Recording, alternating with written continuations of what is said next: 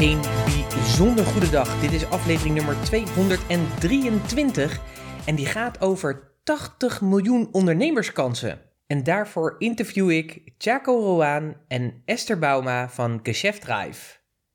Hoi en leuk dat je weer luistert naar Business Talk, de podcast die gaat over ondernemen en alles wat met dat mooie ondernemen te maken heeft.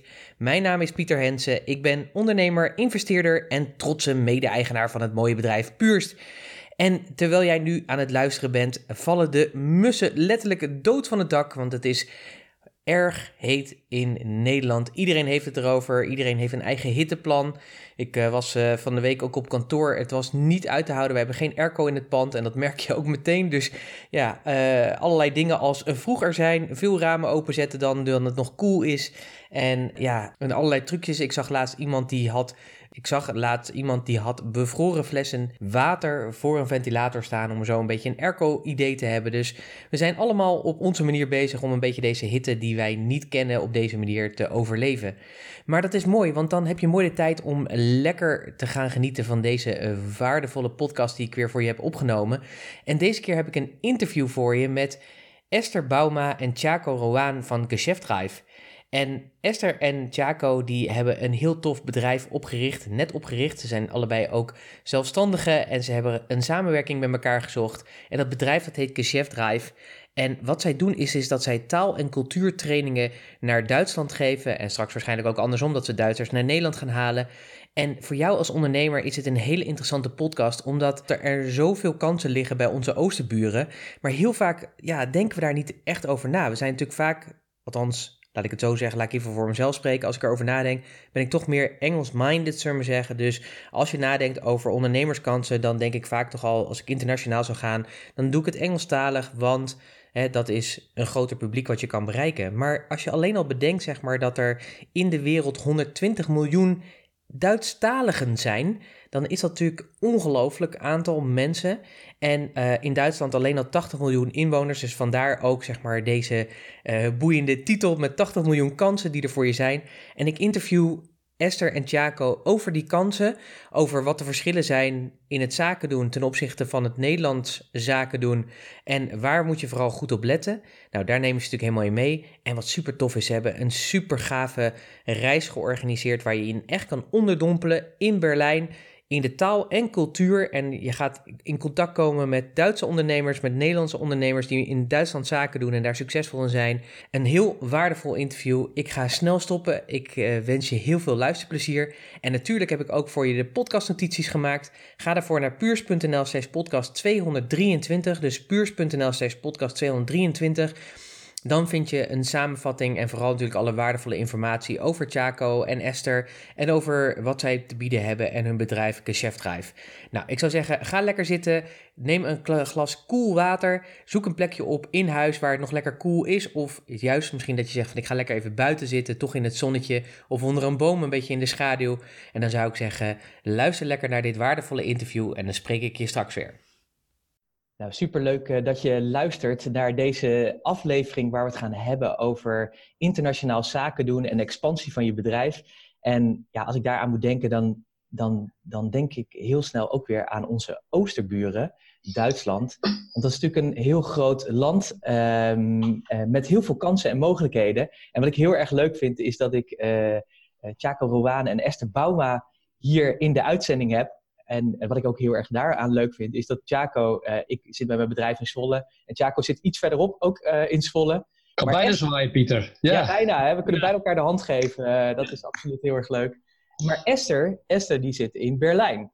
En dat is natuurlijk ook weer het mooie van vandaag de dag met internet en alle mogelijkheden die dat biedt. Ik heb dit interview met hen, heb ik, want zij doen iets heel erg gaafs. Zij hebben een bedrijf opgericht wat gericht is om Nederlanders in eerste instantie naar Duitsland te halen, om hen te laten ervaren hoe de taal en cultuur is uh, in het Duits zaken doen. Maar ze hebben daar een heel mooi programma omge, uh, omgebouwd. En ik weet ook dat ze waarschijnlijk in de toekomst ook Duitsers naar Nederland gaan halen. Nou, hartstikke leuk. Dus uh, ik vind het heel erg tof dat jullie aanwezig zijn, dat jullie je tijd hierin willen besteden. Want ik vind het ook wel leuk om eens een keer, ook de luisteraars eens een keer mee te nemen naar ja, wat andere inzichten over hoe het nou is om bijvoorbeeld in Duitsland zaken te doen. zijn onze oostenburen. We rijden er vaak doorheen of we rijden er naartoe. Berlijn. Op weg, ja, op weg naar het zuiden, ja. Precies, mooie stad natuurlijk ook. Dus ja, en waarom zou het niet interessant zijn om eens te gaan ontdekken van wat voor mogelijkheden liggen daar allemaal in het mooie Duitsland. Dus nou, super fijn dat, dat jullie er beide zijn. Ja. En, ja, ja, ja, super. En misschien ook wel even leuk om jullie even te vragen om je. Um, nou, weet je, zal ik het zo doen? Zal ik, uh, Chaco, zal ik jou vragen om Esther gewoon eens te, te introduceren? Oh, wat een spannende vraag, Pieter. Ja, ja, ja, ja, ja. Dat, uh, ja. Nou, Esther is um, uh, een, een, een, Nederlandse die, die in het westen van Nederland geboren is, daarna naar Friesland getrokken en in Amsterdam is gaan studeren. Esther is, ja, nou ja. Ik ben niet, ik ben, mijn ouders zijn Friesen. Oh, toch wel? Ik heb nooit in Friesland gewoond. Ja, heb jij nooit in Friesland gewoond? Ik ben Zuid-Holland, oh. vanuit Zuid-Holland naar Berlijn. Nou, het gaat toch weer helemaal mis. toch mooi, uh, Chaco, dat ik op deze manier toch nog weer uh, jullie wat verder in de verbinding kan brengen. Ja, ja, ik weet nu precies, tenminste, ik weet, ik weet, ik weet wel meer. Helemaal goed. Ja, heel leuk. Ja, helemaal goed. Esther die woont in ieder geval wel al heel lang in, uh, in Berlijn ook. Zij heeft in Nederland is zij begonnen met Duits studeren. En zij heeft uiteindelijk is zij naar Berlijn gegaan voor de liefde. Um, en woont daar al ruim, uh, nou, ruim 20 jaar, Esther. Het is een hele leuke ondernemende vrouw die ook, uh, die, waarvan ik, waar ik heel graag mee samenwerken. Dat is eigenlijk pas sinds een half jaar.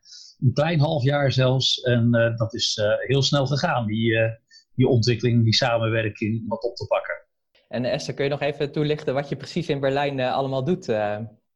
Ja, nou, ik geef dus uh, Nederlands en Duitsstaligen hoofdzakelijk. Maar er zitten natuurlijk ook wel uh, andere nationaliteiten in mijn cursussen. Op een Berlijnse volksuniversiteit.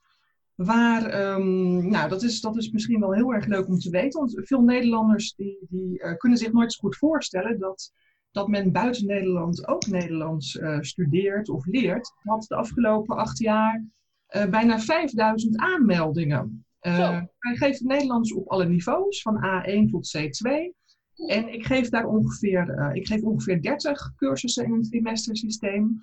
Um, daarnaast werk ik op het Duitse ministerie van Buitenlandse Zaken, het Auswärtige Amt, en geef daar um, cursussen aan diplomaten die naar Nederland of naar Brussel gaan, dus die ook in een Nederlandstalige context moeten gaan werken.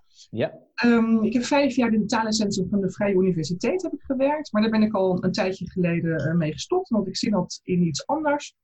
En um, ja, en ik geef trainingen Duits aan uh, ja, hoofdzakelijk Nederlanders. Soms zit er ook wel eens een Vlaming tussen. En dat zijn Nederlanders die in Berlijn echt al werken en die werkelijk hier gewoon uh, echt goed in die taal moeten gaan functioneren. Dus dat kunnen mensen zijn die op een leidinggevende post uh, zitten. En die gewoon echt met Duitse collega's uh, dagelijks gewoon in dat Duits moeten communiceren. Kunnen journalisten zijn die gewoon ja, hun Duits willen verbeteren om, om toch hun interviews um, te professionaliseren. dat zijn meestal individuele trainingen en dat, um, dat is eigenlijk mijn, um, dat is mijn dagelijkse werk. En Daarnaast ben ik actief uh, voor een Vlaams-Nederlandse vereniging uh, die Nederlandse en Vlaamse kunstenaars op Berlijnse podia brengen. En daar modereer ik avonden, ik initieer, organiseer daar heel veel en doe ook nog eens de, uh, ben ook nog eens penningmeester van deze club. Daarnaast heb ik vier kinderen, dus um, ik zou zeggen, never a dull moment. Nee, dus, daar hoef je in ieder geval nooit te vervelen. Dat is, klinkt heel erg goed en je zit al echt een hele tijd in, het, in het mooie Duitsland. Hè? Dus ehm, ja.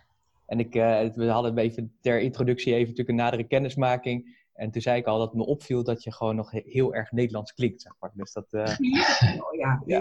Dat zou ik heel erg vinden als mensen zouden zeggen, je klinkt als uh, Prins Bernhard of uh, ja. Rudy Karel. nee, Rudy Karel, dat zou wel wel weer... Nou ja, nee, mijn Duits niet als dat voor Rudy Karel. Maar um, dan zou ik deze trainingen ook niet durven geven. Nee. Super, dankjewel. Leuk om zo na de kennis te maken. Uh, Esther, uh, hoe zou jij Chaco omschrijven? Oei. nee, nou, daar ga je, jongen. ja, daar ga ik. Nou, ik ga er even voor zitten, hoor. Uh, kom maar, kom maar, kom maar. nou, Chaco heeft net Duits gestudeerd, maar in Nederland. En um, hij heeft dat in Utrecht gedaan. Hij is eerst gratis lesbevoegd. Hij heeft een prachtig eigen bedrijf. Dat heet Duitse Zaken, met een mooie website. En hij geeft, um, hij geeft trainingen aan, aan ondernemers binnen het MKD-bedrijf.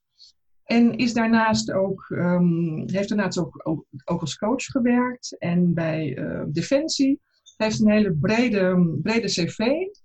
Ehm, en dat vind ik ook heel prettig in de communicatie met hem. Ik merk dat hij zijn ja, communicatief vlak gewoon heel veel heeft gedaan, waardoor onze communicatie heel uh, constructief en goed en positief verloopt. Dat is, dat is elke dag, ja, het is gewoon heel erg fijn in de dagelijkse samenwerking. Naast is hij uh, super uh, zuverlässig, zou ik zeggen. ik ben echt een Duitser, hè? uh, zuverlässig is gewoon, gewoon heel betrouwbaar, heel conscientieus.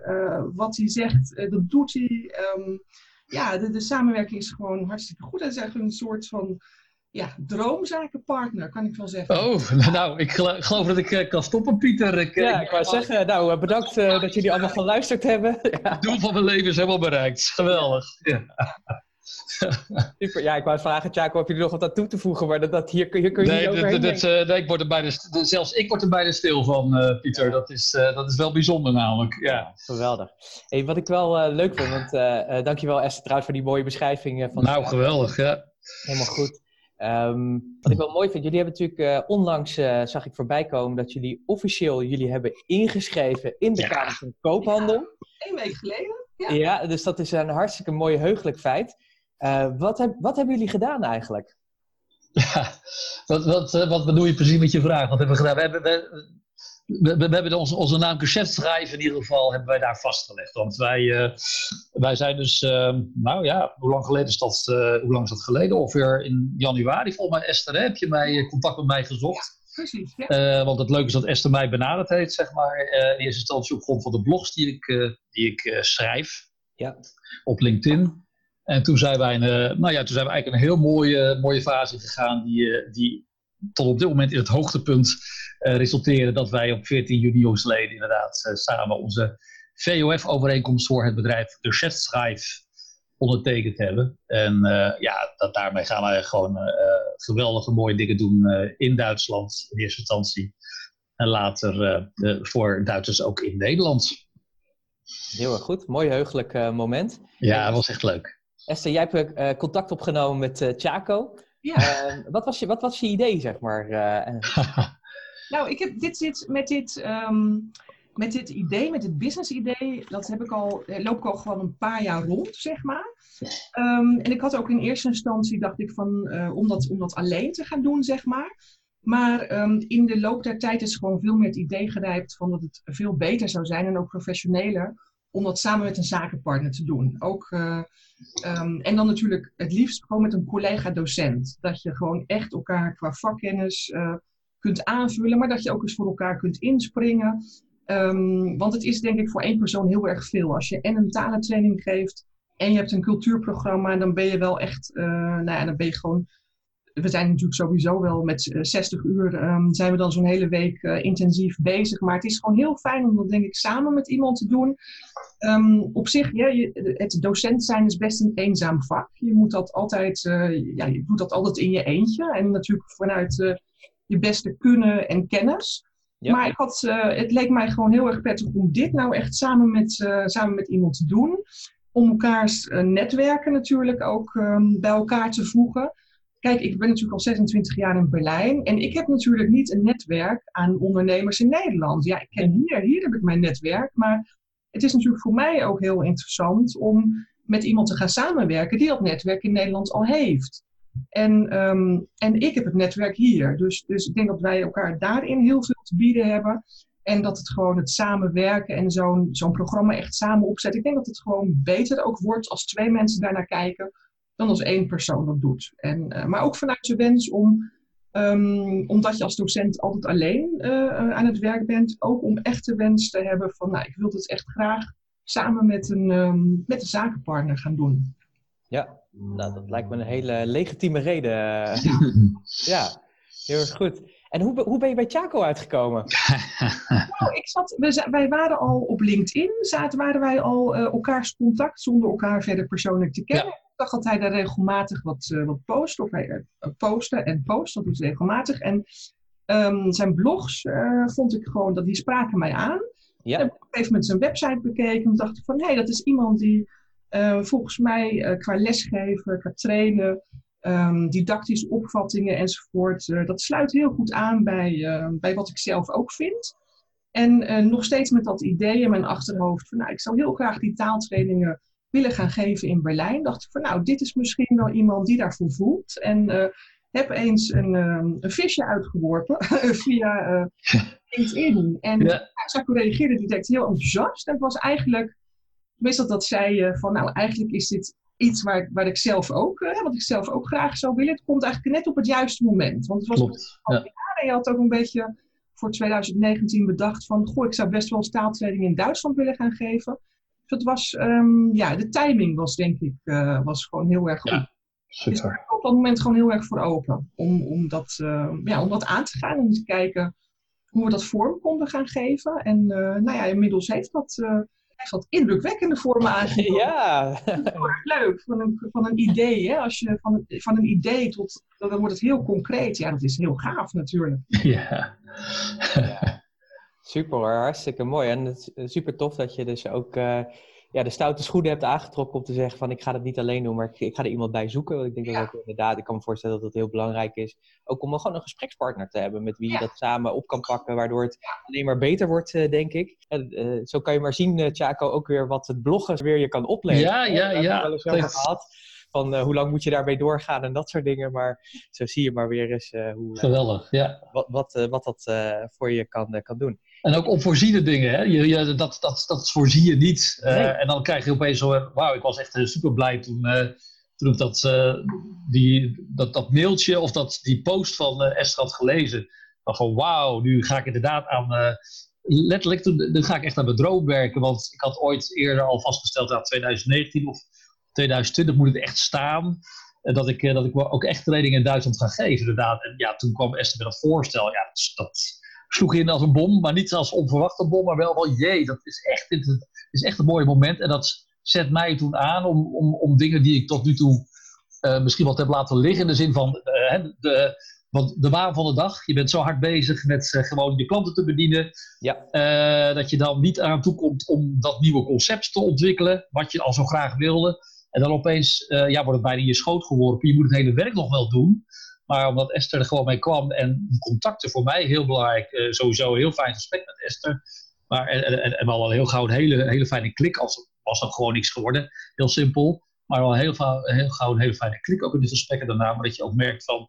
Ja, ik, ik breng dingen mee waar, die nou voor Esther super waardevol zijn. En zij heeft een aantal dingen uh, los van haar persoonlijkheid uh, en haar kennis. maar ook nog eens een keertje heel simpel. Het bekende netwerk wat, wat in, in Duitsland al aanwezig is en dat is echt een prachtig netwerk. En dat is ook een van de grootste mooie dingen die, die, onze, die onze training en datgene wat wij kunnen gaan bieden, heel bijzonder gaan maken. Maar daar, ga ik natuurlijk, daar gaan we vast later nog op in. Maar het worden echt heel bijzondere trainingen door de kwalitatief hoogwaardige mensen.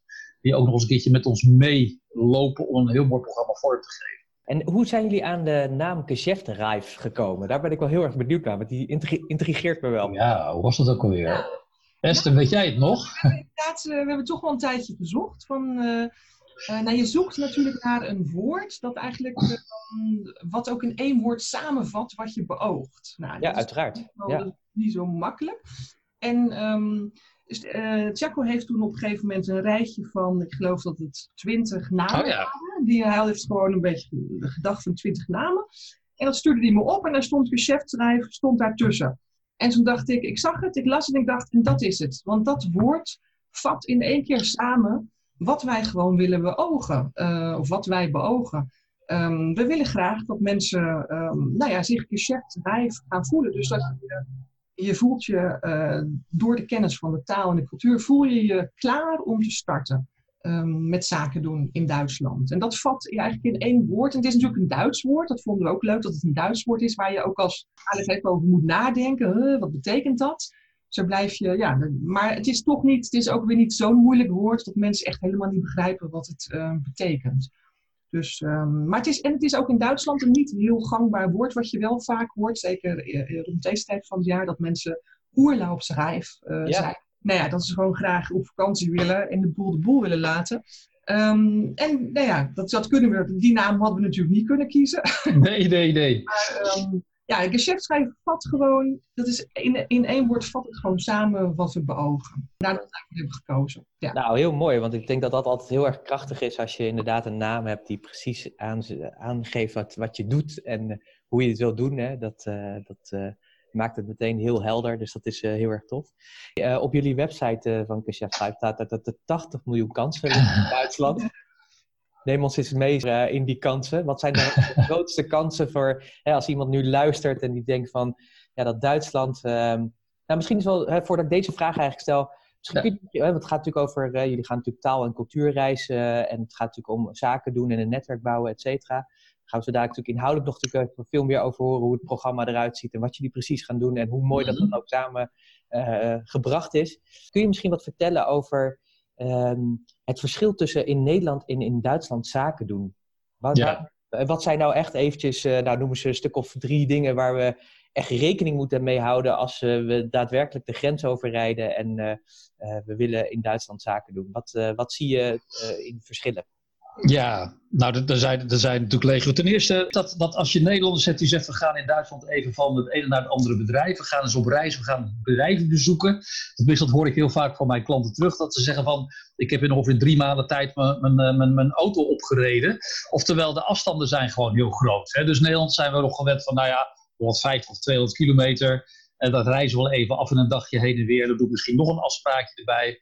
En in Duitsland, als je naar München rijdt bijvoorbeeld, ja, dan ben je toch uh, eh, 800 kilometer verder. Nou ja, dat, dat, dat, dat, dat is gewoon iets even uit de praktijk. Niet het grootste, grootste zakelijke verschil, maar wel een, een grappige wat in de praktijk steeds terugkomt. Ja, in Duitsland is toch nog steeds, uh, zeker in het eh, MKB en bij familiebedrijven, erg veel Duitse bedrijven zijn familiebedrijven ook wel. daar is gewoon Duits toch wel de voertaal.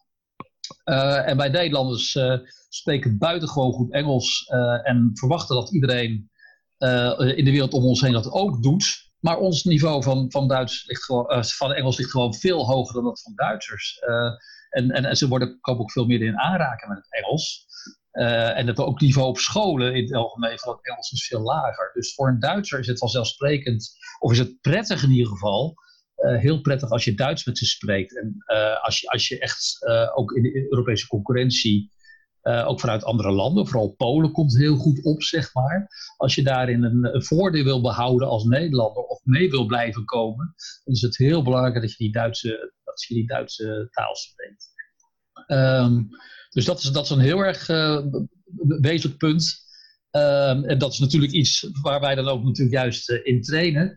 Um, maar het is ook iets wat heel vaak vergeten wordt bij, bij andere, uh, als er andere sessies zijn, bijvoorbeeld uh, hele mooie sessies van KVK's of zo, is wel heel erg mooi. Maar dan wordt vaak het punt taal wordt wel genoemd. Maar er worden allerlei andere punten genoemd, die, uh, die zoals webshops bouwen en hoe doe je dat nou in Duitsland, welke regelgeving heb je enzovoort, enzovoort. Maar die taal wordt dan toch vaak vergeten. En dat is echt heel wezenlijk. Dus, dus daar begint het gewoon mee ik daar nog iets aan, aan Ja, graag. Oké, ik denk dat inderdaad de, um, dat, het, dat het niveau uh, van Engels op de scholen, dat is natuurlijk heel vergelijkbaar. Hè? Nederland en Duitsland. Op, op de lagere school begint men al hier in de vierde klas. Uh, op de lagere school dus de leerlingen zijn dan uh, nou, zo rond de zeven. Dus ze beginnen wel heel snel met Engels. Maar um, het is natuurlijk de grootste taal van de EU. Hè? 100 miljoen sprekers, 100 miljoen moedertaalsprekers als je Oostenrijk en Zwitserland bijneemt. En um, wat natuurlijk het grote verschil met Nederland is, is Nederland is natuurlijk heel, uh, vind ik, mediaal zeker, heel anglo-saxisch gedomineerd als Nederlander, ook als je niet elke dag Engels spreekt, uh, ik mag hopen dat dat zo is, dat mensen toch vandaag Nederlands spreken, uh, je hoort natuurlijk wel heel veel Engels, uh, alleen al door die media. Dus er is een veel grotere, en dat is natuurlijk een, een passieve, je neemt die taal passief tot je, of je wilt of niet. Ja. En dat is in Duitsland natuurlijk niet zo, want we hebben hier, nou ja, de films zijn gesynchroniseerd. Als je naar het journaal kijkt, interviews, daar zit een tolk tussen. Dus je hoort de originele taal, of nou Engels is of een andere taal, die hoor je ook gewoon uh, niet. En um, ook sinds ik hier woon, ik, ik, dat zei ik toen straks nog tegen Chaco, als, als een toerist mij hier vraagt in het Engels, uh, hoe kom ik van A naar B, uh, dan sta ik ook even als aan de grond genageld omdat ik gewoon ook zo goed als geen Engels spreek hier. Dus het is ook een kwestie van, weet je, dat theoretische onderwijs, dat is het probleem niet. Maar gewoon die praktijkervaring is er niet. Je hebt het gewoon zo goed als niet nodig, tenzij je in een internationaal bedrijf uh, opereert en daar spreekt iedereen Engels, dat heb je natuurlijk ook. En daarnaast moet je bedenken, ja, mensen met een klassieke DDR-biografie die al wat ouder zijn, laten we zeggen 50 plus, uh, ja, die hebben gewoon ook geen Engels op school gehad. Hè? Dus ehm, dat is allemaal niet. Uh, dus de, de, de, de toegang tot de mensen krijg je gewoon het beste door de taal. Dat is nu helemaal zo. Ja, ja. Maar, maar dat is wel een hele belangrijke, want inderdaad, zaken wat je zegt, dat, dat is ook zo. Hè? We zijn heel erg gewend. Uh, en zeker ook als je natuurlijk wat in grotere steden komt, als Berlijn en dergelijke, dat, dat je verwacht eigenlijk dat, dat mensen, als je ze in het Engels aanspreekt, dat ze je gewoon in het Engels terug netjes beantwoorden. Eh, maar de taal is natuurlijk uh, cruciaal. Dus ik denk dat dat een hele belangrijke is. Sowieso, hè, dat, uh, ik vind dat ook altijd magisch als je naar programma's kijkt. Ik vertrek en dat soort dingen. Dat ja, ja, ja. een nieuw leven opbouwen zonder überhaupt de taal van het land te leren. Dat blijft niet magisch. Maar zeker, het is, ik denk wel een goede. Want ik kan me voorstellen, wij zijn, zo, wij zijn dat hier zo gewend. En wat je zegt, Esther, dat is absoluut waar. Het zit zo verweven in ons zijn. Ja. Ook gewoon steeds meer, ook in de taal zit het ook verweven, het Engels. Hè. De, de, we pakken heel snel Engelse woorden op of dat gaat er doorheen. Um, dus, dus dat is voor ons zo vanzelfsprekend. En dat is best wel apart natuurlijk, want we zijn natuurlijk best wel een land, natuurlijk ook van origine, die natuurlijk de hele wereld overvoeren om uh, nou ja, niet alleen de rijkdommen te vergaren, maar het zit ook in ons bloed, zeg maar, om uh, makkelijker zeg maar, aan te sluiten bij de ander. Maar ja. als het gaat om onze oosterburen, dan is dat toch wel iets lastigs of zo, ja. op een of andere manier. Uh, ja. Dus dat is wel een hele goede, goede tip. Als jullie kijken naar een cultuuraspect, van waar, uh, we, een van de dingen die, waar we natuurlijk bekend om staan, is dat we natuurlijk heel direct zijn. En ik weet vanuit uh, ook natuurlijk wat je uh, regelmatig mij vertelde, Chaco, is dat natuurlijk hiërarchie in Duitsland natuurlijk nog heel erg belangrijk is. Hè? Dat is natuurlijk echt, denk ik, een iets wat wij Nederlanders anders doen, zeg maar, dan, dan Duitsers. Maar dat weet ik niet helemaal zeker, dat kun je natuurlijk beter vertellen. Mm -hmm. Waar moeten wij op letten, ook in het kader van niet alleen taal, maar ook cultuur, als we, als we die grens overstappen en we willen daar zaken doen? Nou ja, dat, dat heeft onder andere ook te maken met waar we het net over hadden, dan die hiërarchie ook, maar ook um, um, voor Nederland, wij zijn een handelsnatie, zeg maar. Um, en dat, dat, dat gaf je net zelf ook al aan. En wij leggen heel makkelijk contacten, zeg maar. En wij zijn, uh, ja, wij, nu in clichés aan het praten, hè. Maar goed, ja, ja, de, heerlijk, de, Nederlandse volksaard, zover die dan al bestaat, net zoals de Duitse volksaard, die is per regio heel erg divers. Dat is in Nederland ook zo, maar in Duitsland nog sterker, omdat het groot is. Maar goed, dat daar gelaten. Um, zijn wij gewoon van, van uh, toch maar, we, we, we, beginnen, we beginnen gewoon ergens en dan, uh, we bereiden het wel een beetje voor, maar vooral ook niet te moeilijk doen en we gaan er gewoon tegenaan. Ja. En de Duitse volksaard, even heel simpel gesteld, is van, um, nou ja, wij zijn dus handelsnatie en de Duits is veel meer, is een industrienatie. En je moet je eigen, eigen historische groei, kun je alleen al zeggen van, oké, okay, uh, als je een fabriek hebt en de lopende band of uh, de, de, de, machines zijn goed op elkaar afgestemd, uh, alle, alle, alle schakeltjes wat is meer, dan loopt het gewoon vast. Um, en, en Duitsland is dus veel meer een handelsnatie van oorsprong, maar is veel meer een, een, een industrienatie. En daar moet je dus alles tot in de puntjes voorbereid hebben. Wij zijn ook risiconemend. De Nederlanders is veel risiconemender, ondernemender in die zin de, uh, dan de Duitse dat is, want die, die wil inderdaad risico's vermijdend gedrag vertonen. En dat betekent dus ook, en daar komt er bij het taalaspect onder andere terug, dat een Duitser, weer cliché sprekend, maar er langer over doet om een relatie te bouwen. Dus je hebt gewoon meer tijd nodig. Hè? Maar Nederlanders zeggen van, nou, doe niet zo moeilijk, uh, hup, schiet ons een beetje op. Ja. En, en, en uh, wees niet zo negatief bij wijze van spreken. Terwijl die Duitsers is het dan zit ik, nou, ik ga eens even heel erg lekker uitgebreid de kat uit de boom kijken. Ik wil alles tien keer doorsproken hebben. Ik wil echt elk cijfer en elk, uh, uh, ook achter de komma, misschien twee cijfers achter de komma, wil ik gewoon helder hebben. En dan geef ik mijn vertrouwen en dan ga ik aan de gang. En dan alleen, en dat is wel een hele mooie, um, dan heb je ook een hele, als je met eenmaal met Duitsers zaken doet, heb je ook een hele duurzame relatie. Terwijl je in Nederland bijvoorbeeld weer, in Nederland bijvoorbeeld weer hebt dat je zegt van, Um, nou ja, goed, Pieter bij spreken. Ik heb met jou een aantal jaren prettig zaken gedaan. Maar uh, Pietje uh, is nu toch echt wel een stukje goedkoper. Ik ga nu toch maar eens overstappen. En dat zul je in Duitsland dus minder tegenkomen. Dus dat is wel een belangrijk cultuurverschil. Dus moeilijker om de relatie aan te gaan. Zeker nu in instantie als Nederlander. Want het eigen, de eigen cultuur en, en, en, en, en, en, en waarom zou je niet voor een Duits bedrijf kiezen in een land van 80 miljoen inwoners. Hè? Waarom zouden we een Duits bedrijf kiezen? Um, vandaar die 80 miljoen kansen.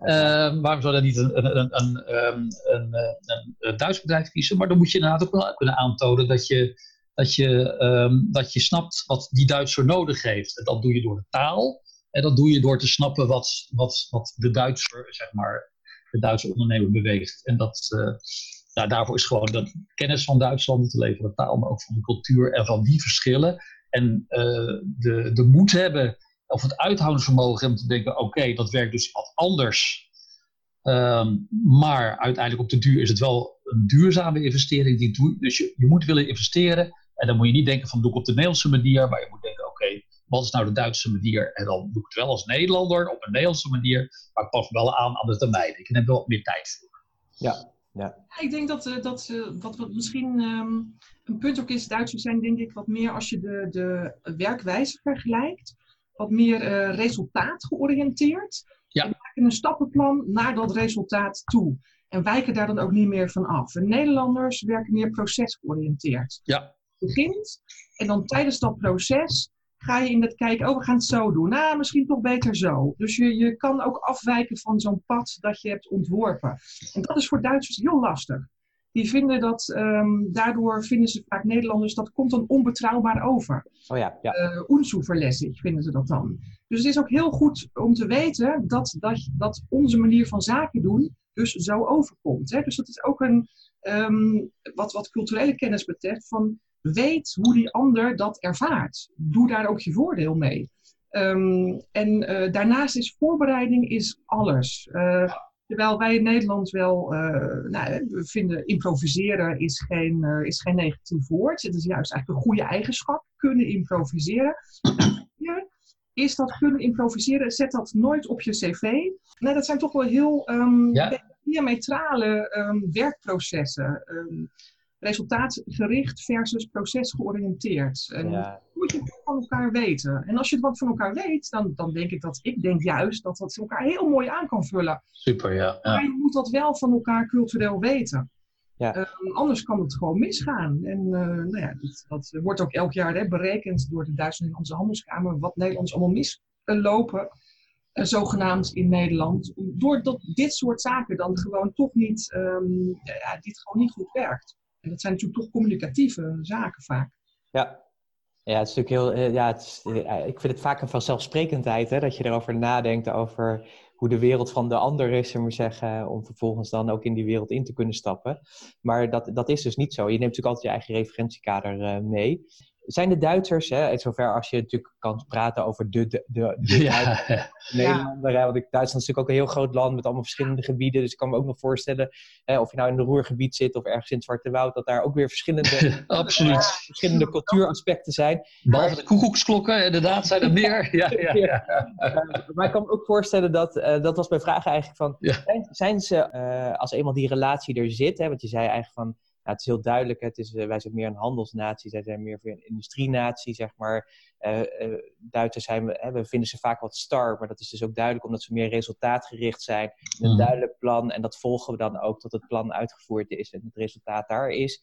Um, wat is jullie ervaring, zeg maar, als die Nederlander en die Duitser gaan samenwerken? Want is die Duitser bereid ook om, om mee te bewegen, zeg maar, uh, af en toe in uh, de flexibiliteit om aan te kunnen passen, ook in zo'n proces waar je toch een bepaald plan hebt bedacht?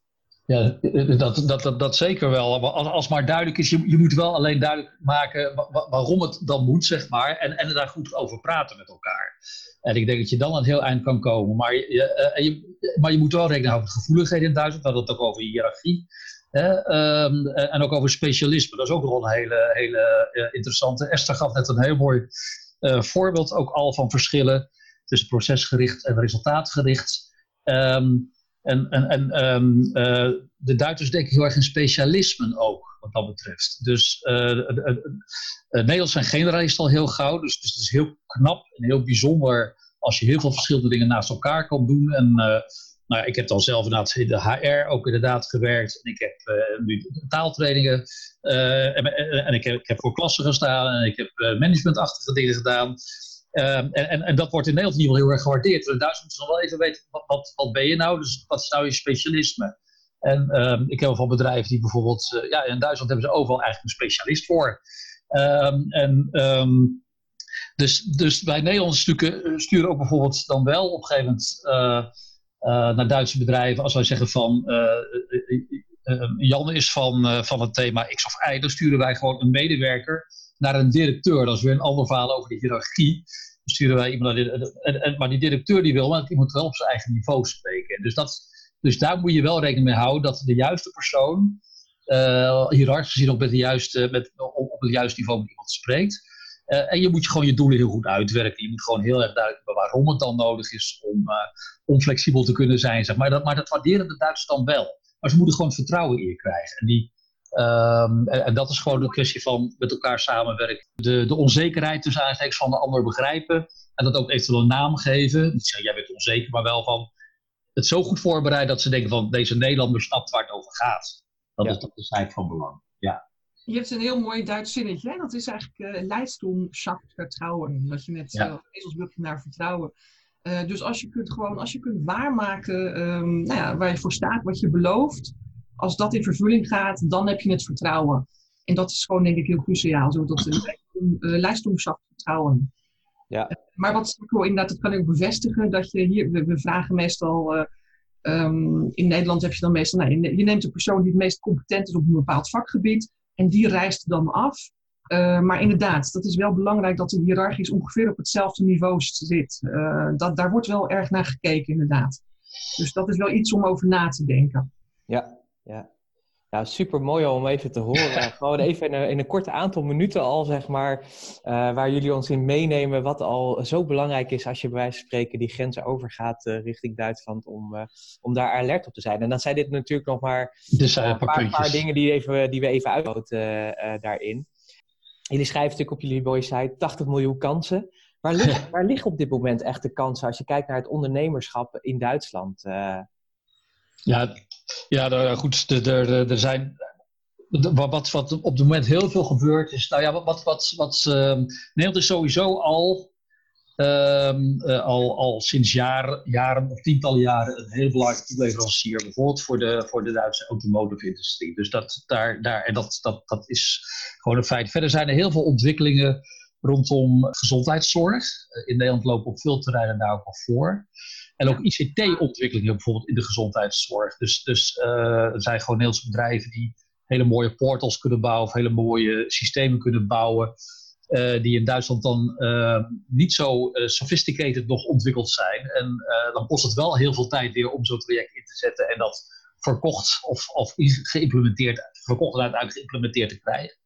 Maar, maar Duitsers kijken dan wel daarin naar Nederland. En je ziet ook vanuit grote industriële klussen, zoals bijvoorbeeld ook bij Eindhoven, wat is meer zo. Maar ook hier van, bijvoorbeeld vanuit Zwolle, heel mooi uh, heb je Food Valley en je hebt uh, uh, Health Innovation Park, bijvoorbeeld hier in Zwolle. Het zo'n hele, nou, dus op healthgebied, gezondheidsgebied, trouwens weer frapperend, hè, dat ik het nu in het Engels zeg, want wij gebruiken daar weer Engelse termen voor.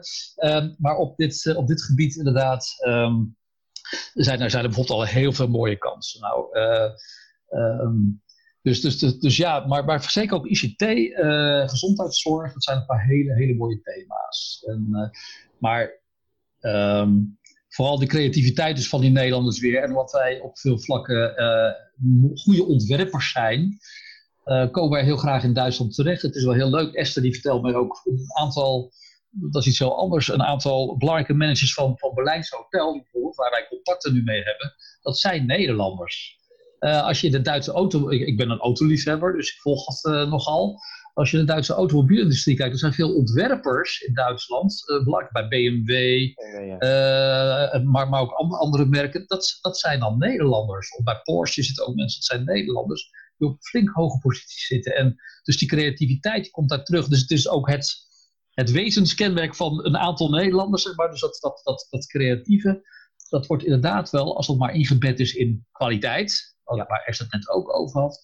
Het wordt buitengewoon gewaardeerd. En dat, daar hebben we dus een stukje toe te voegen uh, aan, aan nou ja, zeg maar wat, wat, wat, uh, wat Duitsers graag in ieder geval toegevoegd willen zien. Iets aan hun eigen uh, kwaliteit van het product zelf. Maar het vermarkten, het, het mooi verpakken, um, dat, dat, vindt, dat vindt een Duitser vaak terug bij Nederlanders. Dat we erg, erg goed kunnen. Ik heb ook nog een, nog een mooi, mooi voorbeeld. Je hebt nu, um, ik weet niet of de, uh, de, de swapfiets of swap, ja, ik weet ja swapfiets. Ja. Um, ja. Nou, die zijn nu ook uh, in Duitsland, dus echt in de grote steden. Nou, dat vind, ik, dat vind ik nou echt een heel Nederlands concept. En met fietsen. hoe Nederlands wil je het hebben? En ik denk dat dat ook een, omdat ze nu echt ook al in meerdere steden, waaronder München en Berlijn, zijn begonnen. Ik vind het concept perfect. Hè? Je hebt een altijd werkende fiets voor een relatief laag bedrag per maand. Um, nou, ik denk dat, dat dat is volgens mij al een groot succes. En, en dat gaat gewoon ook heel groot worden. Het is het idee van, ja, hier heb je natuurlijk veel meer die car uh, sharing. Uh, um, nou ja, dat, dat zou eigenlijk nog, nog wel meer kunnen. Maar dat is ook de afgelopen jaren. En dat is natuurlijk, uh, is dat wel gegroeid, maar dat is vooral in Duitse handen. Maar dat fietsconcept, dat, is dus, dat zijn twee Nederlandse start-up. het is gewoon een Nederlandse start-up. En die zijn volgens mij heel succesvol bezig nou, dat vind ik gewoon een heel mooi, uh, mooi voorbeeld van Nederlandse, van Nederlandse export. Ja, geweldig. Uh, ja. ja. Ja, dat is, dat is ook weer mooi. Ik denk dat, daar, dat wij daar Nederlands dan weer, uh, heel, ik denk dat Duitsers dat ook wel kunnen, maar ik denk dat Nederlands ook wel heel goed in zijn. twee studenten die tot een conclusie komen van ik wil dit anders. En, en, en het idee is geboren, zeg maar. Nou, en nu zitten we inmiddels uh, ook in Berlijn en München, dus uh, zo gaat dat. Uh, ja, ja, ja. Mag toch trouwens even toevoegen, Pieter, want, want wat, ik, wat ik net vertelde over kansen, ja, ik denk je eigenlijk op al terreinen in Duitsland kansen bij, omdat mm. het gewoon zo'n groot land is en wat we in Nederland doen, dat hebben ze daar ook nodig.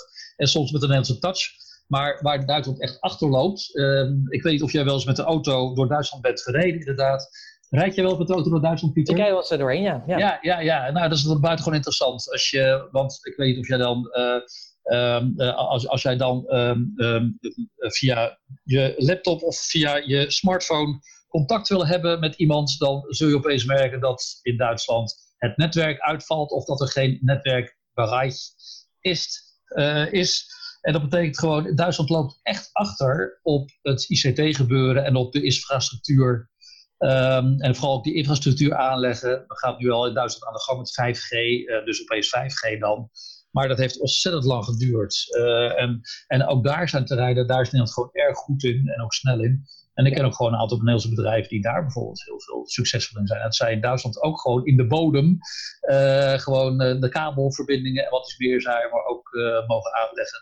Dus, dus er, gebeurt, er gebeurt van alles. Wat dat betreft is ook ICT-terrein is echt een heel belangrijk, heel belangrijk terrein voor, voor, voor de Nederlander. Maar nogmaals, ik ken, ik ken Nederlanders uit alle soorten en smaken die gewoon in Duitsland met hun specifieke product uh, gewoon kans hebben. En eigenlijk in die zin is het gewoon heel breed. Uh, de moker in Duitsland gewoon heel breed. En het is gewoon een verbreding van je moker die in Duitsland, net als je maar aan bepaalde regels houdt, kun je gewoon in Duitsland heel succesvol zijn. Uh, ja. En goed zaken doen. Misschien ook goed om aan toe te voegen. Het is, wel, wel, het is natuurlijk wel in Nederland over het algemeen bekend dat, dat Duitsland onze belangrijkste handelspartner is. Maar dat geldt vice versa binnen Europa ook. Hè? Nederland is ook voor Duitsland de belangrijkste handelspartner binnen Europa. En uh, op wereldschaal de tweede na China. Nou, dat vind ik toch wel echt aanzienlijk. Uh, ja, dat kunnen we ons vaak in zo'n klein land niet voorstellen, maar zo is het wel. Dus uh, men is ook geïnteresseerd om met ons Nederlanders zaken te doen. En um, er bestaan gewoon, Nederland heeft ook wel een beetje een gidslandfunctie voor Duitsland. Het is ook er zijn sowieso heel veel positieve clichés over Nederlanders en Nederland uh, in omloop. Dat weet ik, omdat ik natuurlijk met Duits, ik ben Duits werk die bij mij Uiteraard. Ja. Die hadden vol lof over hun vakantie. En die zijn, die, die ja, zijn altijd helemaal uh, dol enthousiast. Mm. Nederland heeft ook wel een, een gidslandfunctie. Uh, want veel, ja, veel ontwikkelingen hier, die hier nu plaatsvinden, uh, die hebben in Nederland al lang plaatsgevonden. Dus ik heb af en toe ook echt het gevoel, um, god, dat is een déjà vu. Man, dat hebben we in Nederland toch al tien jaar geleden hebben we dat besproken, geregeld of wat dan ook. Um, klein voorbeeld, de, de, nou, het homohuwelijk bijvoorbeeld, hè, dat is pas sinds twee jaar is dat hier mogelijk. En dan denk ja. ik als Nederlands natuurlijk, ah, dat is in Nederland al sinds 2001 mogelijk. Um, dat zijn dan zo de, van die momenten dat ik denk, nou, hè, hè, Duitsland is ook zo, bij, zo ver. ja. Natuurlijk, zo is het natuurlijk met, vaak met ontwikkelingen zo. Dat ik, en natuurlijk kun je in een kleiner land kun je veel sneller veranderingen doorvoeren dan in een land als Duitsland. Zeker met, uh, met 16 Bundesländer, ja. waar je met elkaar moet afstemmen. En dat is natuurlijk ook traag, dat gaat veel trager. Maar dat is ook goed om te weten. Nederland is ook echt een gidsland voor, um, uh, voor Duitsland. En, uh, ja, en, en zeker als het gaat om innovatie en creativiteit. Um, nou, Jacques noemde al die voorbeelden binnen de designwereld, binnen de automobielindustrie. Of um, met hele nieuwe um, creatieve concepten. Ja. Dat, uh, dat, dat, dat, komt goed aan, ja. Ja, mooi. mooi dat dat zo is. En uh, ook inderdaad goed om te benoemen inderdaad dat wij gewoon van elkaar gewoon hele belangrijke handelspartners zijn. En uh, dat we, ja, dat, ik denk dat het ook gewoon goed is ook om bewust te zijn. Ook al ben je nu gewoon die MKB-ondernemer, zeg maar, die naar, hier naar luistert. Dat je, en dat kan ook van de ZZP'er zijn. Hè, dan denk je ook van, ja, wat moet ik als ZZP'er misschien daar zo? Maar misschien liggen er daarom juist wel enorme kansen. En ik denk dat het daarom ook heel interessant is wat jullie hebben uh, bedacht. Of wat jullie gaan doen natuurlijk. Is natuurlijk die taal- en cultuurreis uh, met een hele mooi programma eromheen uh, die gaat plaatsvinden. Wat, wat, gaan jullie doen? Wat gaan jullie aanbieden, zeg maar? En waarom is het belangrijk om, om hierbij aanwezig te zijn? Nou, wie, wie gaat van start, Esther? Wil jij beginnen of zal ik beginnen? dat maakt me niet uit. Je bent, begin jij maar. Ja, dat is goed. Ja, wat, wat, wat, wat gaan we aanbieden en waarom gaan we het aanbieden? Nou ja, wat ik al, wat ik al zei. Um, nou ja, ten eerste even nog terug, als je het goed vindt. Uh, we hadden het net over die, die, die getallen en het over en weer, die handel. Die handel tussen Nederland en Duitsland draagt ongeveer 200 miljard. Dat is natuurlijk nogal wat. Hè? Uh, um, zijn dagen daar... dat ik het niet heb, Chaco. Nee, nee, nee, ik heb het ook niet helemaal, niet altijd. En dan gaat het niet over, uh, over, uh, over iets van, van, van geld uit, uit, uit, uit Zuid-Amerikaans land of zo, maar je hebt het echt over euro's. Um, dus dat, dat, is, dat is inderdaad een enorme handel, stroom. dat is natuurlijk vaak tussen grote bedrijven. Um, maar ook, ook daar wordt gezegd, we laten gewoon ook wel, en dat vertal ken ik niet precies uit mijn hoofd, we laten best wel heel wat, wat geld liggen, wat mogelijkheden liggen. Wat hebben wij nu en nu? We hebben veel relaties met, uh, we doen veel zaken uh, over de hele wereld. We doen ook veel zaken met Engeland. Helaas is natuurlijk nu ook nog eens een keertje de brexit uh, aan de gang. Tenminste, die zal waarschijnlijk wel op een, een andere vorm en waarschijnlijk zelfs de kans lijkt steeds beter in een minder fijne vorm, een harde vorm, uh, tot stand komen. Dat betekent dat het gewoon steeds moeilijker wordt, ook duurder wordt om met Engeland de zaak te doen.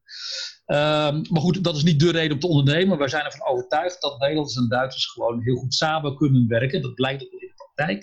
Er zijn al heel veel mooie relaties. Dus wat is het nou zonde als je aan Duitsland grenst, om dan die, die grens over te gaan en daadwerkelijk daar je partners te gaan zoeken en daar, daar zaken te gaan doen maar daarvoor heb je dus een aantal elementen nodig. Je moet weten van hoe zit die cultuur in elkaar. Uh, je, je moet een stuk die taal spreken en de Duitser uh, begrijpen. En je moet, uh, waar, waar haal je eventuele subsidies ook nog eens een keer vandaan. Dat is niet eens het belangrijkste, maar ook wie kun je ondersteunen.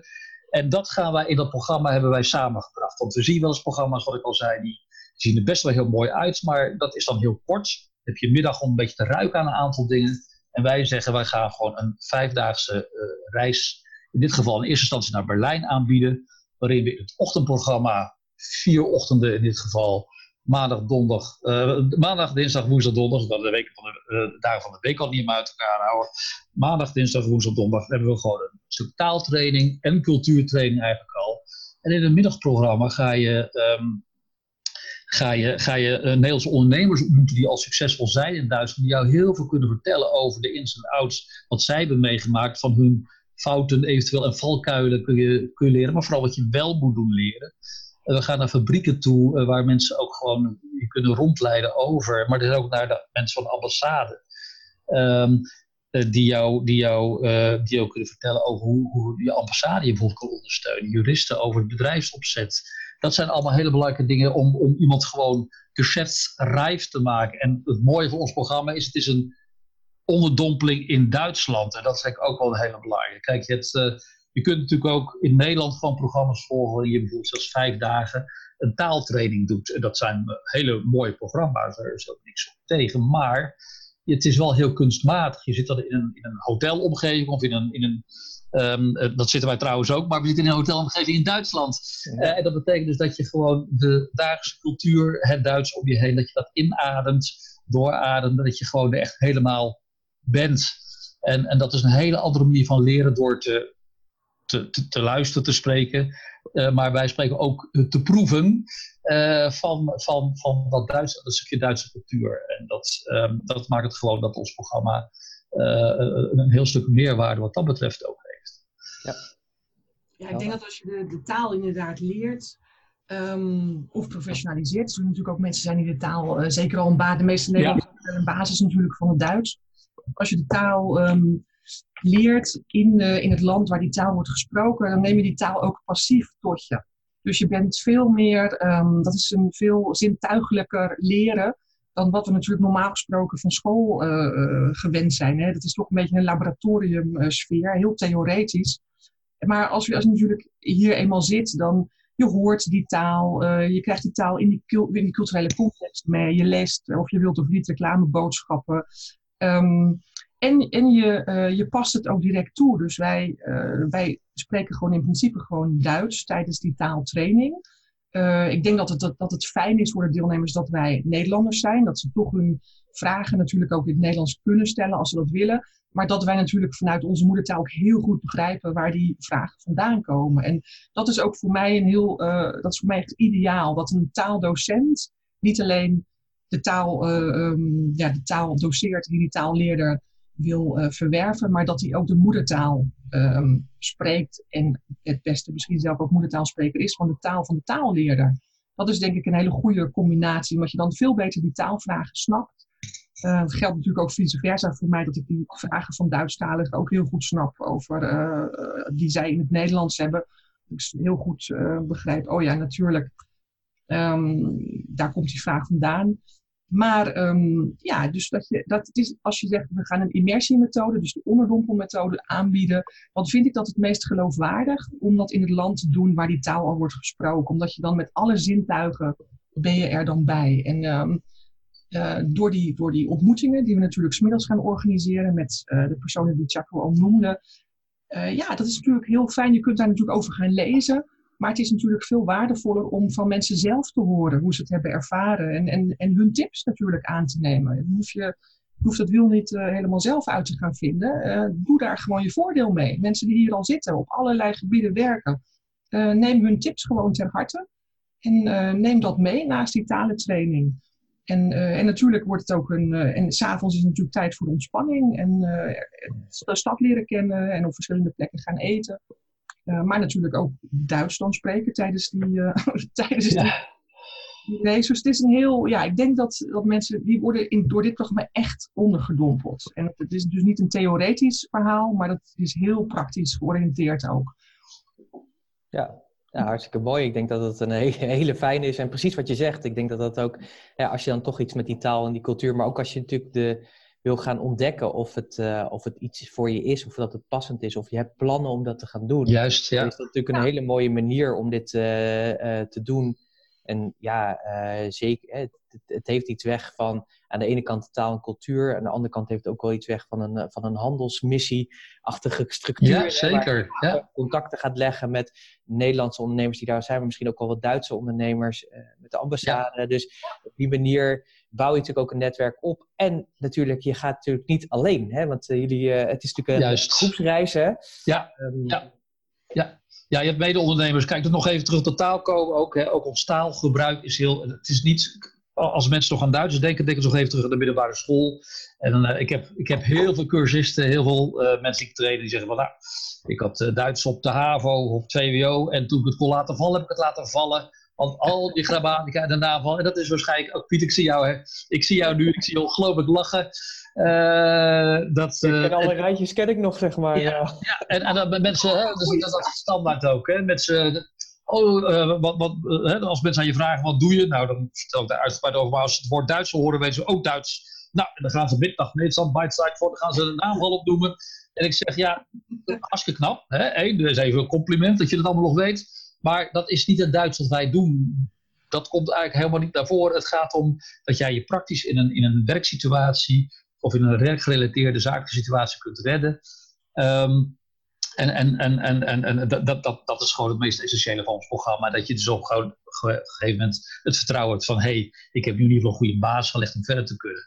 Ons programma, wat, wat het doel van ons programma is ook inderdaad om voor mensen de baas te geven om verder te kunnen. Maar het kan natuurlijk ook zijn dat ze zo'n programma volgen dat ze uiteindelijk zeggen: Ik heb nu zoveel kennis gekregen uh, van de stand van zaken dat ik op dit moment besluit om niet verder te gaan. Dat kan natuurlijk ook. Kan je zeggen: Nou, dat is heel vervelend, uh, want daar heb ik al die moeite voor gedaan. Maar dan weet je wel waar je aan toe bent. Dus je hebt gewoon, het is echt gewoon een hele goede manier om, om je kansen en ook in het Duits te verkennen.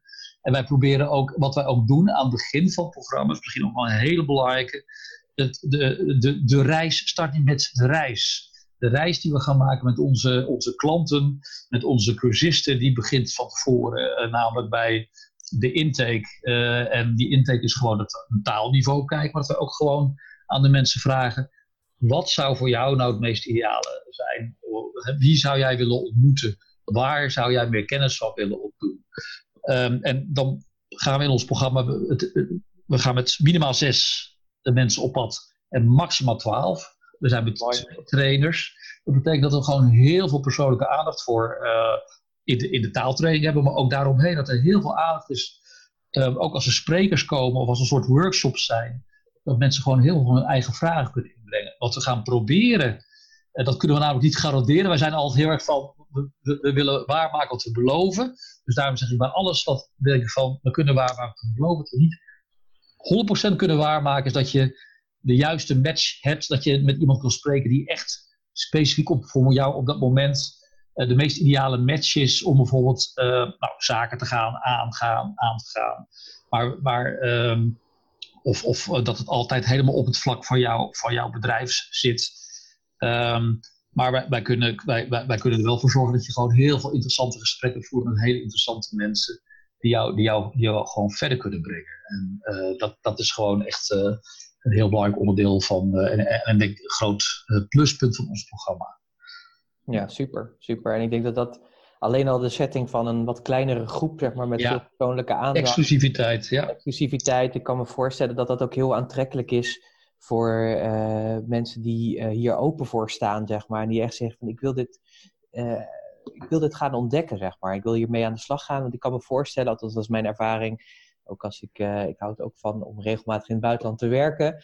Um, uh, als je dat ook uh, doet, dat regelmatig ook met een groep collega-ondernemers. En ook daar ontstaat iets vaak, zeg maar. Ja. dus of samenwerkingspartners, of nou ja, je, je, je, je kunt wat voor elkaar betekenen, of je kunt elkaars netwerk verder weer inzetten. Dus het, het, op zoveel meer niveaus, zeg maar, gaan er dingen gebeuren. Dat is natuurlijk heel erg, heel erg waardevol. En Chaco, wat je ook zegt van het kan ook een hele mooie uh, ontdekking zijn dat het uh, misschien nu nog niet de tijd is om het uh, te gaan doen. Of überhaupt niet de, het moment is om in Duitsland zaken te doen. Maar dat is ook, denk ik, ook een hele mooie inzicht. Want daarmee ja. heb je natuurlijk een investering gedaan van tijd. Dus die is nooit weg. Het netwerk is nooit weg. Wat je nee. daar hebt opgedaan is natuurlijk nooit weg. Nee. Daar leer je nee. alleen maar van. Maar dat kan wel een heel mooie leerweg zijn om te zeggen: oké, anders hadden we misschien een heel programma erop gebouwd waren we een heel jaar bezig geweest met, uh, hè, met die auto letterlijk uh, door dat ja. Duitsland heen te rijden. Ja. En was je zeg maar een uh, illusie rijker geworden. En misschien ook wel heel veel geld armer in die zin. ja, dus, ja ik, ik, kan me heel goed voorstellen dat het ook een hele mooie ontdekkingstocht is. Als jullie kijken zeg maar naar, naar jullie reis, voor, voor, wie, wie, wie, voor wie is het ideaal om, om mee te gaan? Nou, Esther, wat, uh, wat, uh, wat denk jij? nou, ja, dat kan natuurlijk, dat is heel, uh, natuurlijk nog heel breed. Dat kunnen um, ondernemers zijn vanuit allerlei branches die, um, die misschien al zaken doen met Duitsland, maar misschien denken, nou, het kan nog beter. Ja. misschien, misschien hebben ze het gevoel, nou, we willen in elk geval um, de taal, we willen onze, onze taal verbeteren willen toch nog iets meer in die cultuur duiken. Maar het kunnen ook ondernemers zijn die echt die markt op willen. En eens uh, willen gaan verkennen of ze, um, of ze in Duitsland partners, zakenpartners kunnen vinden. Maar dat kunnen natuurlijk ook mensen zijn die bij overheidsinstanties werken. Dus die misschien op een, um, op, uh, ja, tussen, tussen, de, um, tussen Duitse samenwerkingsmogelijkheden, tussen Nederlandse en Duitse overheden. Die zijn er natuurlijk ook al, zeker in het grensgebied. Hè. Ja. Um, dat bijvoorbeeld Nederlandse nou ja, mensen van overheden willen weten, ja, tot, tot wie moeten wij ons nou eigenlijk wenden? Je hebt natuurlijk uh, overheden op allerlei niveaus uh, binnen Duitsland. Het is denk ik niet zo eenvoudig om daar je weg in te vinden. Uh, om mensen te kijken, wie is nou mijn, wie is nou mijn aanspreekpartner? Als ik, als ik op dit of dat um, rechtsgebied wat wil uit gaan richten. Dus ik, ik denk dat we dat nog heel, vooral voor, voorlopig heel erg breed houden. Wie, wie, uh, nou ja, wie mee. Maar in elk geval zijn het natuurlijk mensen die, die in Duitsland wat willen gaan doen. Um, maar wat wij, wat wij natuurlijk ook fantastisch zouden vinden als we in de toekomst misschien, um, als we wat langer bezig zijn, dat we misschien ook echt maatwerk kunnen gaan leveren. Dat mensen zeggen, nou ja, wij zijn geïnteresseerd om met bepaalde bedrijven in Bayern of in Baden-Württemberg willen we graag zaken doen. En dat we zeggen, nou, dan vinden die trainingen ook niet in Berlijn plaats, maar die vinden in, uh, in Stuttgart, in München of in Keulen uh, vinden die plaats. En als we ook daar ter plaatse gaan kijken, uh, wat zijn nou ondernemers met wie jullie in gesprek kunnen gaan. En dat we ook daar, zeg maar, dat wij ook onze netwerken gaan verleggen binnen Duitsland. Dat zou denk ik heel mooi zijn. Dan heb je natuurlijk ook, als je wat meer maatwerk kunt gaan leveren, dan kun je ook nog veel meer op zo'n groep toegespitst gaan werken, dan, dan dat je misschien in het begin gewoon twaalf mensen van twaalf heel verschillende ondernemingen hebt. En natuurlijk toch ook moet kijken dat, je, nou, dat er voor iedereen natuurlijk wel iets bij zit um, wat van belang is. Ja, um, ja. En, ja, en dat zit, dat zit er natuurlijk sowieso wel in, inderdaad. Want we gaan bijvoorbeeld alleen al. Hè, wat we bijvoorbeeld ook heel leuk is in ons programma. Tenminste, ik vind het zelf heel leuk, maar ik weet zeker dat het. Uh, um, dat komen weer toch bij het cultuurverschil. Wij, wij zullen een stukje bijvoorbeeld aandacht besteden aan de Duitse geschiedenis. Ja, dan kan je zeggen, nou, wat noemen we de Duitse geschiedenis? Uh, ik wil hier gewoon ondernemen en klaar. Maar die Duitse geschiedenis, uh, als je die afzet tegen de Nederlandse geschiedenis, dan, dan, geeft dat ook een stuk verklaring voor een andere volksaard, voor een andere manier van optreden. Dus dat is voor iedereen interessant. Uh, als wij nou meer mensen uit een. Wij, wij, hebben een prachtig netwerk in Berlijn, of eigenlijk op dit moment vooral Esther heeft een prachtig netwerk in Berlijn. Dat betekent dat wij al naar gelang de vragen die, die komen van, van de deelnemers kunnen zeggen van nou, we hebben een stukje interculturele, een, interculturele trader, dus interculturele communicatie, laat ik het dan zo zeggen. Daar kennen wij een aantal van. Um, pas was ik bij een, uh, bij een, een, een, een, een overheid in Nederland, overheidsinstelling, en daar zei inderdaad wat Essen dat ook aangaf, die zei voor, voor, voor onze medewerkers vaak inderdaad heel erg lastig om precies te weten met welke persoon ze nou in Duitsland zaken moet doen bij een andere overheid. Is het op boendesniveau, zeg maar op landsniveau, of op uh, een staatskanselij, dus meer op een landesniveau, zeg maar provinciaal niveau, of moet ze meer bij een commune, een, een, stad of gemeente zijn.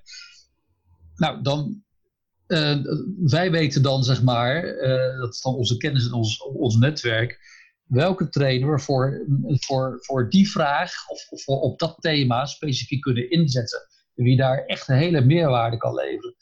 Komt er een soort andere soort vraag, dan kunnen we zeggen, nou voor het deel van de training, uh, voor een bepaald deel van de training, zetten we een, een, een andere, of vragen we een andere trainer om, om, om in ons programma te participeren. En, en, eh, en, en, daar uitleg te geven. Dus zo kun je wel heel erg ook al maatwerk bieden. Maar als je bijvoorbeeld zegt dat we hebben uit een hele specifieke industrie, dan kun je natuurlijk zeggen, wij gaan of, of branche. We gaan heel specifiek dat, dat, dat, dat soort bedrijven toe. En nu zal het ietsje meer verdeeld zijn, waarbij het aan de andere kant een aantal aspecten spelen altijd. Hè, de manieren van zaken. En daarom is het ook heel leuk om verschillende mensen uit verschillende branches bij elkaar te hebben. Wat je net zei, Pieter. Uh, mensen gaan gewoon ervaren. Als ze net beginnen van, van, van de kracht van de groep en de kracht van elkaar meedenken. En nou, lotgenoten klinkt wel heel erg dat, dat je iets overkomt. Maar soortgenoten dan, soortgenoten. lotgenoten. lotgenoten klinkt heel zwaar. Inderdaad, dus laten we het soortgenoten nee, nee, nee, maken. ja, ja, ja. Dus, maar je uh, bent, die... natuurlijk wel een beetje, je bent natuurlijk wel een beetje lotgenoten, omdat je met elkaar natuurlijk wel iets moois aangaat, zeg maar. Dat wel, dat wel. Ja, ja, ja. ja, ja, ja. Maar, het, maar het kan een negatieve, negatieve connotatie, een negatieve hmm. context hebben. Dat is absoluut niet zo. maar je bent, je bent in ieder geval samen, ben je enthousiast bij aan het ondernemen. Ben je enthousiast voor je ideeën. En uh, kun je gewoon inderdaad wat jij zei, een mooi netwerk ook opleggen, uh, uh, aanleggen, opzetten, waarbij je gewoon elkaar ook later nog kunt ondersteunen. En dat deel van community forming, dat vinden we ook een heel belangrijk element. Ja, super mooi hoor. Ik denk dat het een hele mooie, ja, als je naar het programma kijkt, natuurlijk een heel mooi programma is wat jullie hebben samengesteld. wanneer, wanneer is het? Ja. Wanneer gaan we? Ja, we gaan. Nou, Pieter, je bent van harte uitgenodigd. Uh, welkom. Nee, we beginnen. De eerste training is uh, eh, 15 september, week 38. Ja. Uh, dus op een zondag komen mensen aan. Om even heel kort, dan, dan. Men komt op eigen gelegenheid. Want de een die wil vliegen, de ander wil met een trein, de ander wil met een auto. De een zegt van nou, ik, ik maak er iets moois van. Ik ga al een dagje van tevoren lekker in Berlijn een beetje rondhopsen. Dat vind ik, vind ik wel heel erg leuk. zondagavond is er gewoon een, een leuke ontvangst met een drankje gaan we de mensen even kennismaken met de mensen. Ze gaan dan in een viersterrenhotel slapen ze. Dan gaan ze lekker, een, lekker tukken, om maar zo te zeggen. En dan de volgende dag begint gewoon ons programma. En dat is vier dagen aan één. Maandag, dinsdag, woensdag, donderdag. Donderdagavond een mooie afsluiting. En dan vrijdagochtend gaat ieder zijn zijn weeg. Weer op zijn eigen manier. Want de een wil weer een paar dagen nog langer blijven. De ander die wil zo snel mogelijk met het vliegtuig ergens anders naartoe. En de ander zegt, ik ga met de trein. Maar het is dus uh, week 38 en ook week 41. Dan ben ik even precies kwijt. 41, ja. Dat is Wanneer... 13 oktober. 13 oktober oh, ja. zondag. En dan 25, eh, sorry, um, 18 oktober is dan weer vertrekdatum, ja. Ja, ja, ja, dus en we hebben nu voor het najaar twee, twee trainingen staan. Uh, hebben we ook gewoon rekening gehouden met het feit dat we nu beginnen in Berlijn. Uh, dat gaat later uitgebreid worden uh, naar andere, andere steden, ook naar, al naar behoefte, maar ongeacht de behoefte. Maar september, oktober is het in Berlijn ook meestal heel mooi weer, hmm. heel aangenaam weer. terwijl als je echt in de winter in Berlijn gaat, dat is vaak toch minder prettig. Het is echt wel een stuk kouder, is weer continentaal klimaat al. Dus, dan, dus we hebben ook wel daar rekening mee gehouden dat het voor de mensen prettig is om nou, door de stad te reizen. Mensen die, die krijgen van ons een, of ze zitten bij het programma in een mooie reis, een Berlijnkaart. Ze kunnen door Berlijn reizen, vrij met openbaar vervoer. Maar we zullen waarschijnlijk, dat hangt er ook van, van af hoe hoe de deelnemers daarin zitten, zullen ook al gebruik maken van fietsen. Zo, Berlijn is een platte stad, om maar zo te zeggen. Dat is net Nederland wat dat betreft. Dus je kunt er makkelijk met de fiets doorheen van de ene naar de andere plek. Dus er wordt heel veel... Eh, heel veel vals plat. Ja, vals plat, dat wel. Wat is wel je nadeel dan? Moet wel wat sneller op de fiets zitten. En, uh, maar, uh, maar zo kunnen we inderdaad gewoon lekker, uh, lekker echt ook de stad ervaren, ook op de fiets of, of snel even met de U-baan met de, de, de underground, uh, met, met de metro. dan gaan we even het Engels aanspreken. En uh, met de underground, met de, met de, met de U-baan of met de S-baan, uh, kom je dan op je plekjes waar je moet wezen. Ja, ja super. Hey, als mensen nu hebben geluisterd, hè, want we, zijn natuurlijk al een tijdje onderweg en die denken, ja, dit, dit lijkt me echt wel schaaf om, om te gaan doen. Waar kunnen ze zich aanmelden? Ja, nou, dat, dat ja, Esther, ja, ja. Natuurlijk uh, via de website. Dat is uh, www.geschäftsreif.nl. En uh, Geschäftsreif, dat heeft natuurlijk in het Duits op de A eigenlijk een umlaut. Maar ja, dat kan je natuurlijk niet in je, in je mailadres verwerken. Nee, wat raar hè? ja, ja. Niet alleen dat wij dat niet kunnen, maar ook Duitsers niet. Dus daar moet je dan van die E, moet je AE maken. Dus dat is ja. G-E-S Um, C-H-A-E-F-T-S en dan R-E-I-F. Ja. www.geschäftsschrijf.nl. Daar kun je alle informatie sowieso vinden. Daar staan ook onze mailadressen. En daar staan ook onze telefoonnummers. Dus je kunt ons, je kunt Chaco en mij mailen. Je kunt ons bellen. Um, ja, wij zijn, um, wij zijn uh, goed te bereiken. Ja, zeker. superleuk, superleuk. Nou, ik denk voor mensen die, uh, die geluisterd hebben en denken van... hé, hey, dit is heel interessant. Of mogelijk ken je mensen in je omgeving, ondernemers... die je wel eens hebt gehoord van... hé, hey, ik wil die stap wel eens maken naar Duitsland. Of zijn daar al mee bezig. Uh, maar uh, lukt nog niet helemaal uh, naar wens om uh, daar dat te bereiken wat ze willen bereiken, dan hebben ze waarschijnlijk nog wat in taal en cultuur uh, te leren om daar verder in te komen. Want er zijn 80 miljoen kansen, dus ja, dat zouden toch wel moeten kunnen zeggen als ondernemer zijnde. Daar moet je er toch wel eentje dan van kunnen benutten. eentje is zilveren, ja. Op wat voor manier dan ook. Nou, ik denk dat het gewoon een heel mooi, uh, wat jullie hebben gedaan, zeg maar, uh, heel mooi uh, programma is, wat heel mooi aansluit. Doordat je aan de ene kant natuurlijk gewoon inhoudelijk met taal en cultuur en de achtergronden van het zaken doen in Duitsland. En daarnaast heel praktisch, door letterlijk ook ja, mensen in contact te gaan brengen. Uh, te laten zien, zeg maar, in gesprek te laten gaan met uh, Nederlandse ondernemers en Duitse ondernemers die daar uh, zijn.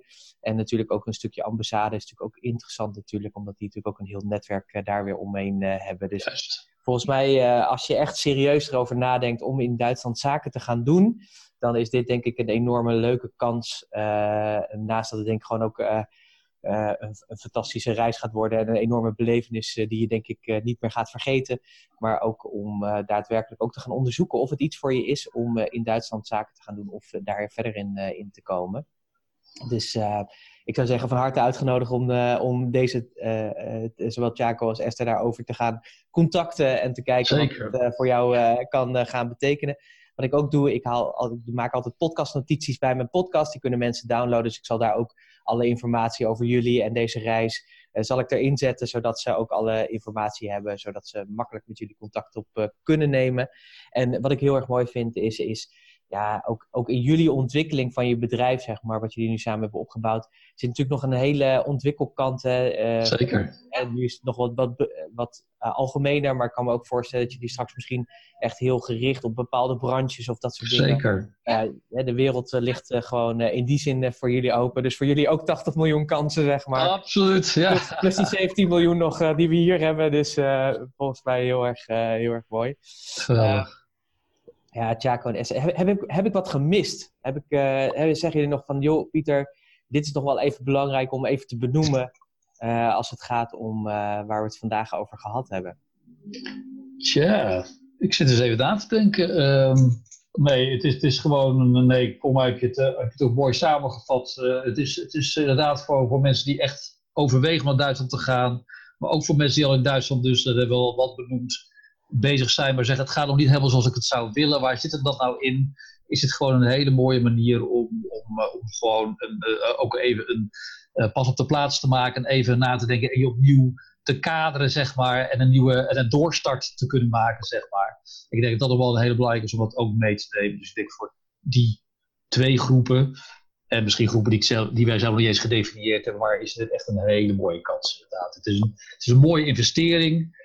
En uiteindelijk, uh, ja, in zo'n groot land uh, uh, en ook zo'n rijk land, is er natuurlijk ook wel heel veel te bereiken en, en, en, en ook te verdienen, winst te behalen. Um, en ik denk, ik geloof ook heel erg juist dat de, de, de Duitse en de Nederlandse kwaliteit, om maar zo te zeggen, elkaar ongelooflijk aanvullen. En mijn ervaring is ook wel dat als het inderdaad de klikker is, dat, dat Nederlandse en Duitse samen echt dat dat dan 1 en 1 ook 3 is en niet 1 en 1 is 2. Uh, dus dat het ook inderdaad tot hele mooie resultaten leidt. Het is natuurlijk een enorme schaalvergroting ook voor Nederland. Dus als ze die Duitse markt erbij pakken. En Nederland is wel even groot als Noord-Rijn-Westfalen. Dus uh, een van de Bundesländer heeft ook evenveel inwoners. Dus ja, het, land is zoveel groter. En is ook, heeft in die zin meer dimensies dat het gewoon van noord naar zuid. Of van zuid naar noord en van, uh, van west naar oost. Dat er gewoon zoveel diversiteit aan mensen en groepen wonen. Dat, er is gewoon heel veel te beleven. Uh, er is gewoon heel veel te doen. En, uh, nou, dus ik kan alleen maar beamen dat we, of ik kan alleen maar uh, aangeven dat het gewoon voor Nederland een mooie kans is. Ja, super. super. En zou je nou heel graag onze, onze nou, kennis van de taal, onze ervaring, onze expertise. Ik denk dat voor, voor mij geldt het misschien zelfs nog wel wat meer, want ik nou echt, echt 26 jaar al ja. woon.